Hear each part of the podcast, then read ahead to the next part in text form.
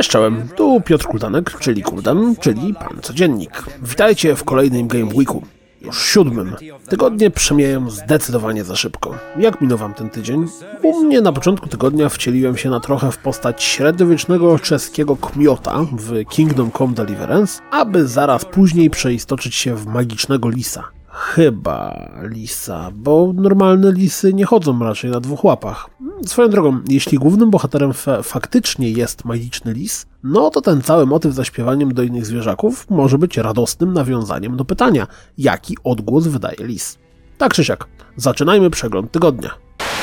Jeśli nie jesteście jedną z osób dalej bawiących się For Honor, to najprawdopodobniej gdzieś z tyłu głowy myślicie, że gra nie za bardzo się przyjęła i słuch już dawno po niej zaginął. Nawet jeśli raz na jakiś czas widzieliście w codzienniku zapowiedź nowego sezonu, czy informacje o jakichś tam update'ach. Tymczasem okazało się, że For Honor ma dalej sporą grupę oddanych graczy. O tyle ile informacje o łącznej liczbie 7,5 miliona osób, które w ten tytuł zagrały, można jakoś tam zignorować, no bo wiadomo, po używki, pożyczanie sobie gry i tak dalej i tym podobne, no to fakt, że miesięcznie gra w nią ponad milion osób wyraźnie pokazuje, że tytuł żyje i ma się całkiem dobrze. Zaskoczeni? Jak widać, nie tylko Ubisoft celuje w przedłużanie żywotności swoich gier, bowiem nowy update do Xenoblade Chronicles 2 wprowadzi dość rozbudowany tryb New Game Plus.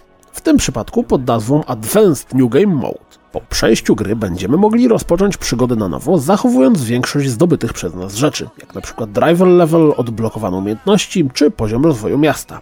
Swoją drogą to całkiem zabawne, że ktoś pomyślał o przedłużaniu żywotności gry, która już w wersji 1.0 starczyła na dobre 100 godzin. Z drugiej strony, tryb New Game Plus w trzecim Wiedźminie też jest mocno popularny. Czas na szybką piłkę, czyli zestaw krótkich newsów bez rozwijania. Mulaka zadebiutuje 27 lutego na PlayStation 4, 1 marca na Switchu i 2 marca na Xbox One. Na Steamie pojawiło się demko Past Cure. Może warto rzucić okiem, bo zapowiedzi wydawały się interesujące.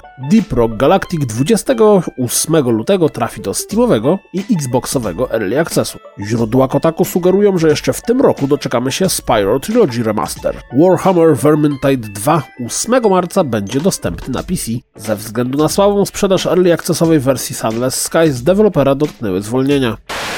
GOG dalej kontynuuje swój rozwój. W tym tygodniu dowiedzieliśmy się, że premiera najbliższych gier wydawanych przez THQ Nordic, czyli This is the Police 2, Darksiders 3, Fate to Silence czy Biomutant, będzie również na GOGu i to w standardowej dla tej platformy wersji bez żadnych DRM-ów. A skoro jesteśmy przy THQ Nordic, firma ta zakupiła za 121 milionów euro Koch Media GmbH. Nie dość, że ogromnie to zwiększy liczbę ludzi zatrudnionych w tychże, czy też wynajmowane biura, to oznacza to również pozyskanie interesujących IP, takich jak Saints Row, nowe Metro czy Dead Island. No i tu się rodzi moje pytanie. Jakim cudem TH Nordic zalicza tak niesamowity rozwój? Nie wiem, czy pamiętacie, ale sama w sobie nazwa THQ w nazwie THQ Nordic również wynika z zakupów, jakie poczyniło ówczesne Nordic Games. Firma wchodzi w posiadanie coraz to kolejnych mniej lub bardziej znanych marek, ale ciężko powiedzieć, żeby wydali ostatnio coś, co osiągnęło zawrotny sukces. Okej, okay, Alex, dodatek do Titan Questa, no tytuły mocno kontrowersyjne. Nawet Spellforce 3, który mi osobiście bardzo mocno przypadł do gustu, nie dominował zbyt długo list bestsellerów. Inna sprawa, że nie kojarzę żadnych informacji w jakikolwiek sposób krytykujących firmę, czy to o podejściu do deweloperów, czy własnych pracowników, czy problemach z dystrybucją.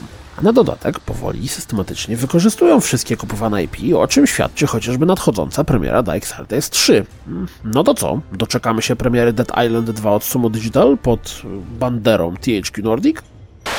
Do Assassin's Creed Origins zmierza tryb Discovery Tour, dzięki któremu będziemy mogli poczuć się niczym w wirtualnym muzeum. Czeka na nas łącznie 75 wycieczek, w których oprócz przedstawienia w grze tych różnych wirtualnych zabytków, zobaczymy również faktyczne zdjęcia czy schematy tychże. Rzecz stanie się dostępna do pobrania 20 lutego. Posiadacze gry będą mogli to zrobić kompletnie za darmo, ale jeśli ktoś jej nie ma, to za 20 dolców będzie mógł kupić tenże tryb jako produkt samodzielny.